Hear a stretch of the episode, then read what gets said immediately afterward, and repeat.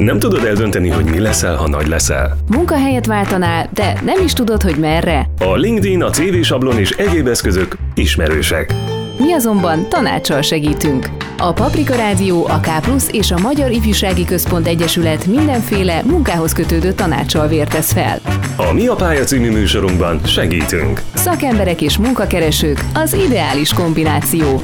Mi a pálya? Két hetente keddenként 19 órától.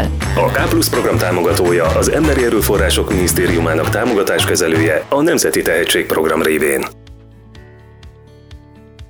Köszöntöm Önöket, Fodor Tünde vagyok, és ezennel hivatalosan is elindítjuk a Mi a pálya című sorozatunkat. Ebben a műsorban szeretnénk tehetséggondozással, karrierépítéssel foglalkozni, beszélgetni fogunk fiatalokkal, akik a pályaválasztás előtt állnak, beszélgetünk olyanokkal, akik a K plusz által szervezett képzéseken részt vettek, beszélgetünk szakemberekkel, karrier tanácsadással is foglalkozunk, hiszen szeretnénk segítséget nyújtani azoknak a fiataloknak, akik szeretnének elhelyezkedni a szakmájukban, de olyanokhoz is szólunk, akiknek már van esetleg munkatapasztalatuk, de szeretnék más területen is kipróbálni magukat, esetleg munkaváltás előtt állnak, úgyhogy ebben leszünk segítségükre. Nekem pedig Bot Orsolya, a K Plus projektmenedzsere lesz segítségemre, hogy egy picit tisztázzuk, hogy mivel is foglalkozik a K Plus, milyen képzéseket tartottak eddig, és mik a tervek a jövőre. A K Plus projekt az már több éve létezik, van egy, egy szakmai program része, illetve van egy közösségi terünk is Kolozsvár központjában, ami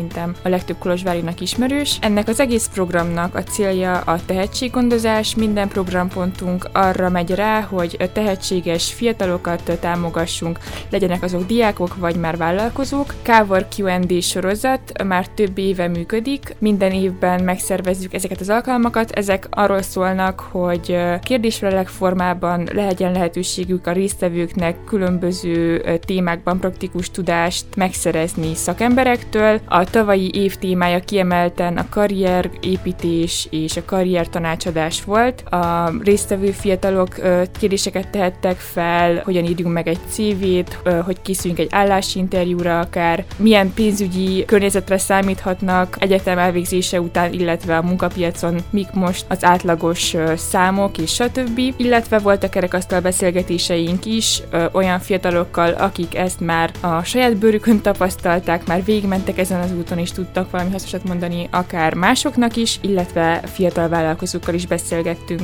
A tapasztalatok alapján melyik az a korcsoport, aki leginkább érdekelt ezekben a témákban, illetve milyen területekről érkeznek ezek a fiatalok? Résztvevők és érdeklődők nagyon nagy szórásban érkeznek. Nekünk a, az alapvető célcsoportunk azok licisták és egyetemisták. Azt veszük észre, hogy ez a valóságban úgy valósul meg, hogy leginkább egyetemisták vesznek részt az alkalmakon, viszont nagyon sok már végzett és uh, ilyen 30 év körüli uh, személy is beszokott nézni hozzánk, mivel uh, olyanok ezek a témák, hogy uh, szerintem egy nagyobb korcsoport számára is érdekesek tudnak lenni, illetve amiatt, hogy kérdésfelelek a forma, van, aki benéz azért, mert van egy specifikus kérdése az a szakemberhez, akivel éppen beszélgetünk, is szeretné feltenni. Milyen visszajelzések érkeznek egyébként azoktól, akik részt vesznek a képzéseken, hogyan alkalmazzák azt a hétköznapokban, visszajárnak, vagy ti mit tapasztaltok? Szeretik az emberek ezt a sorozatot, főleg azoktól van nagyon pozitív visszajelzés, akik már az elejétől bekapcsolódnak, és átlátják az egész programot. Ugye ez egy átgondolt program, ami a nem tudom 7 vagy 8 alkalom egy teljes egészet alkot. Egyenként is, hogyha valaki benéz csak egy-egy eseményre, látja Facebookon, hogy wow, ezt tetszik, benéznék, úgy van értelme, viszont aki végigviszi az egészet, az látja, hogy ez egy átgondolt, felépített program. Szóval ezek az állandó visszatérő résztvevők azok, akik a leginkább látják és értékelik, hogy, hogy akkor milyen tudást is tudnak megszerezni így a sorozat által. Van, aki ö, azt szereti, hogy tényleg ilyen konkrét, praktikus dolgok hangzanak el, és hogy ők is kérdezhetnek, és van, akinek az ad motivációt, hogy konkrét példákat hall olyan emberektől, akiknek érdekes volt a tapasztalata a bizonyos témákban, akár nem egy rendhagyó megoldásokat is hoztak, vagy döntéseket az életükbe ahhoz, hogy oda jussanak, ahol épp tartanak. Vagy mondjuk ahhoz esetleg, hogy váltsanak. Vagy váltsanak, igen. Ez ez is benne van a pakliban is, és pont ez, hogy szembesüljünk azzal, hogy a velünk egyidősök is valószínűleg ugyanolyan vagy hasonló problémákkal rendelkeznek, mint mi nem vagyunk egyedül ezekben a döntésekben és kérdésekben, és hogy nem csak egy jó megoldás van. Bár Kolozsváron zajlik ez az egész, ugye egyetemista a városról lévén szó, azért az utóbbi másfél-két évben a világjárvány egy kicsikét átalakította talán az egyetemista létet is, a város hangulatát is, és talán a munkaerőpiacot is, ezt is kijelenthetjük. Online formában szerveztétek meg ezeket az eseményeket, ennek milyen előnyei, illetve hátrányai voltak ti, miket tapasztaltatok, és milyen visszajelzések érkeztek mondjuk a résztvevőktől? Hát ez egy nagyon kettős történet. Ezek az online alkalmak nekem őszintén az elején voltak fenntartási ezzel kapcsolatban, abból kiindulva, hogy én nem szeretek online eseményekre járni. Lehet a meghívott a világ első embere, én akkor is így nézem, hogy mm, most belépjek, vagy ne lépjek be. Viszont nagyon jól sikerültek ezek az alkalmak, minden beszélgetésen sokan voltak, bekapcsolt kamerákkal voltak, aktívak voltak. Ez egy pozitívumnak számított, hogy, hogy ez így jól ment. Uh, ami még egy plusz az onlineban az, hogy uh, könnyebb időpontot egyeztetni az előadókkal, be tudnak jelentkezni bárhonnan, ugye általában elég elfoglalt emberekről beszélünk, és ami egy másik plusz az az, hogy a kérdésfelelek formának ez egy jó megoldása, hogy lehet írásban is kérdést feltenni. Ugye, hogyha valakinek élőben nehézséget okoz az, hogy több ember előtt beszéljen, vagy felálljon és azt mondja, hogy nekem van egy kérdésem, mert ugye vannak ezzel így sokan, azok így a, a kis Zoom beszélgetésben csak beírják, hogy akkor most ez a kérdésem is, is könnyebbség nekik megnyilvánulni talán. Amikor még a Kápuszban találkoztunk Káborkok alkalmával, hát azért el kell mondjam, hogy nagyobb volt a, a résztvevői szám, volt, voltak olyan alkalmak, hogy így lépcsőről is nézegettek be az emberek, de reméljük, hogy vissza fogunk majd tudni térni egy ilyen formához is. Az online eseményeken egyébként van létszámkorlátozás? Nincs létszámkorlátozás, bárhányan lehet jönni, úgyhogy, úgyhogy ez is egy pozitívum.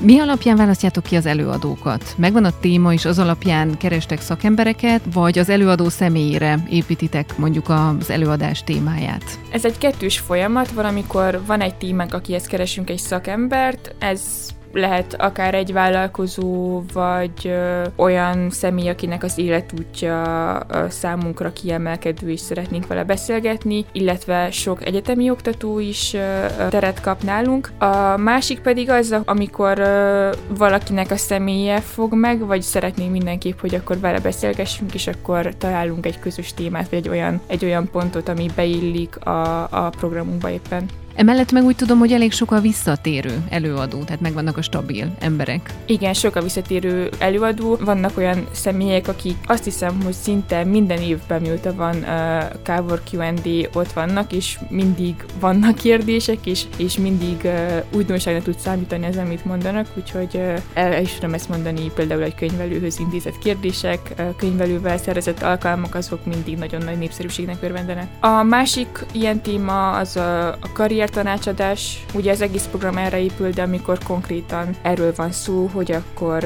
hogy válasszak, miben vagyok jó, mit írjak be a CV-mbe, mi az, ami előnyös számomra, mi az, ami nem, ez is minden évben kiemelkedő helyet és figyelmet kap. Biztos, hogy készítettetek már bizonyos összegzéseket, következtetéseket vontatok le azzal kapcsolatban, hogy kik vesznek részt, mi iránt érdeklődnek a leginkább. Az ilyen alkalmakkor esetleg derült fény arra, hogy milyen hiányszakmák szakmák léteznek jelenleg Romániában? Van hiány szakma, a tavaly nagyon nagy kihívást jelentett olyan szemét találni, aki magyarul tud beszélni arról, hogy mit jelent a, a pénzügyi tudatosság, a pénzügyi képzés, mi az, amivel tisztába kell lenni egy fiatalnak. Ugye ez egy nagy hiányt jelent, azt hiszem már iskolás, iskolai képzés során is nem igazán tanulnak erről a fiatalok, és ugye egyetemi szinten próbáltunk szakembert találni, és ott is nagyon messzire kellett menni addig, ameddig, ameddig találtunk valakit, de azt hiszem, hogy olyan szakembert találtunk, aki ugyanígy oszlopos visszatérő tagja lesz a programnak a további években. Táncos Leventéről van szó a szapiencia oktatójáról. Most, hogy így említett, hogy egyébként a pedagógusok körében is milyen nehéz megtalálni az adott szakembert. Tanárok szoktak egyébként részt venni ezeken a képzéseken? Hát amikor beregisztrál valaki a, egy Kávork alkalomra, akkor meg kell adjon infókat az életkorát és a foglalkozását is. Volt, vannak oktatók, akik, mármint hogy ez, ez jelenik meg a leírásban, hogy tanár. Hát szerintem inkább az fordul elő, hogy civilként érdeklődöm a téma iránt, és épp úgy alakul, hogy közben amúgy egy tanár vagyok. Volt esetleg olyan téma, olyan előadó, ami megosztó volt, ami esetleg vitát váltott ki az évek során? Emlékszel ilyesmire? Konkrét vitahelyzetre nem emlékszem. Voltak ilyen nagy szembesülések, hogy wow, ezt eddig nagyon rosszul csináltam, vagy stb. Vagy van, aki voltak meglepő válaszok. Ez leginkább a, a könyvelővel történt beszélgetésen. Hát a számok és a pénz, igazából igen. Ez az, ami, meg amúgy szerintem ez az a kicsit tabu téma úgy általában így a, a társadalomban, ami, ami tud fejtörést és, és nézeteltéréseket eredményezni. Igen, és pont ezért ez az a terület, ami vitákat vált ki, mert az ember elképzel valamit, és aztán, amikor találkozik a valósággal, akkor lehet, hogy egy kicsikét meglepődik.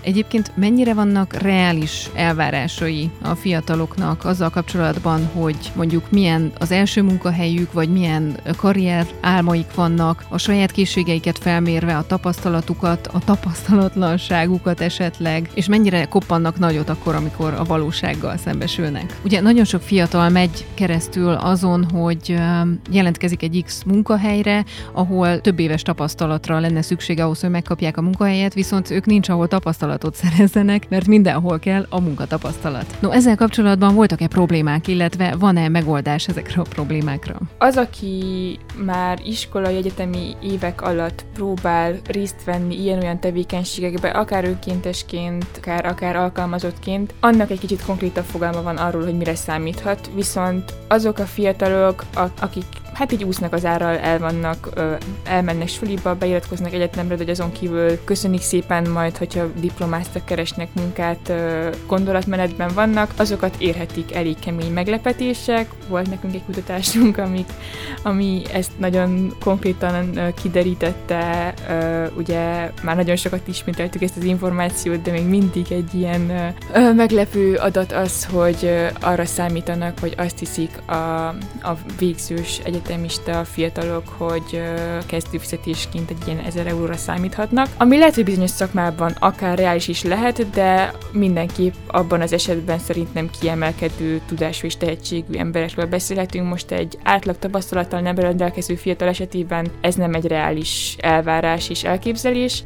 Most az, hogy valakinek a készségei, a tevékenysége, tegyük fel, egész végig dolgoztál egyetem alatt is, iskola alatt is, próbáltál aktív lenni, ez, ez, ez a írás valamennyire illik rám is, és akkor azt hiszed, hogy kicsit könnyebb lesz talán tovább lépni, vagy, vagy elhelyezkedni, és ez sem ad egy biztos, ez sem egy biztos kulcs a sikerhez, viszont minden tevékenység, minden aktivitás, minden megismert ember már egy kicsivel több lehetőséget ad, ad ahhoz, hogy tudj elindulni, vagy tanácsot kérni legalább, hogy hogyan tovább. Vagy legalábbis tudod, hogy mire számíts, és, és akkor olyan csalódás érhet, vagy olyan meglepetés érhet, amivel tudsz számolni, vagy hogy tudod, hogy ez egy létező dolog, és nem akkor szembesülsz vele. Pont ezért indul ez a sorozat, ugye itt a Paprikán, hogy két hetente legalább kis információ morzsákat tudjunk adni azzal kapcsolatban, hogy ki hogyan gondolkodik erről az egész munkaerőpiacról, meg a karrierről. Úgyhogy beszéljünk egy kicsit a jövőről, mik a tervek, és mi a célja ennek a beszélgetés sorozatnak, amit itt hallhatnak nálunk a 95.1-en. Így egy kicsit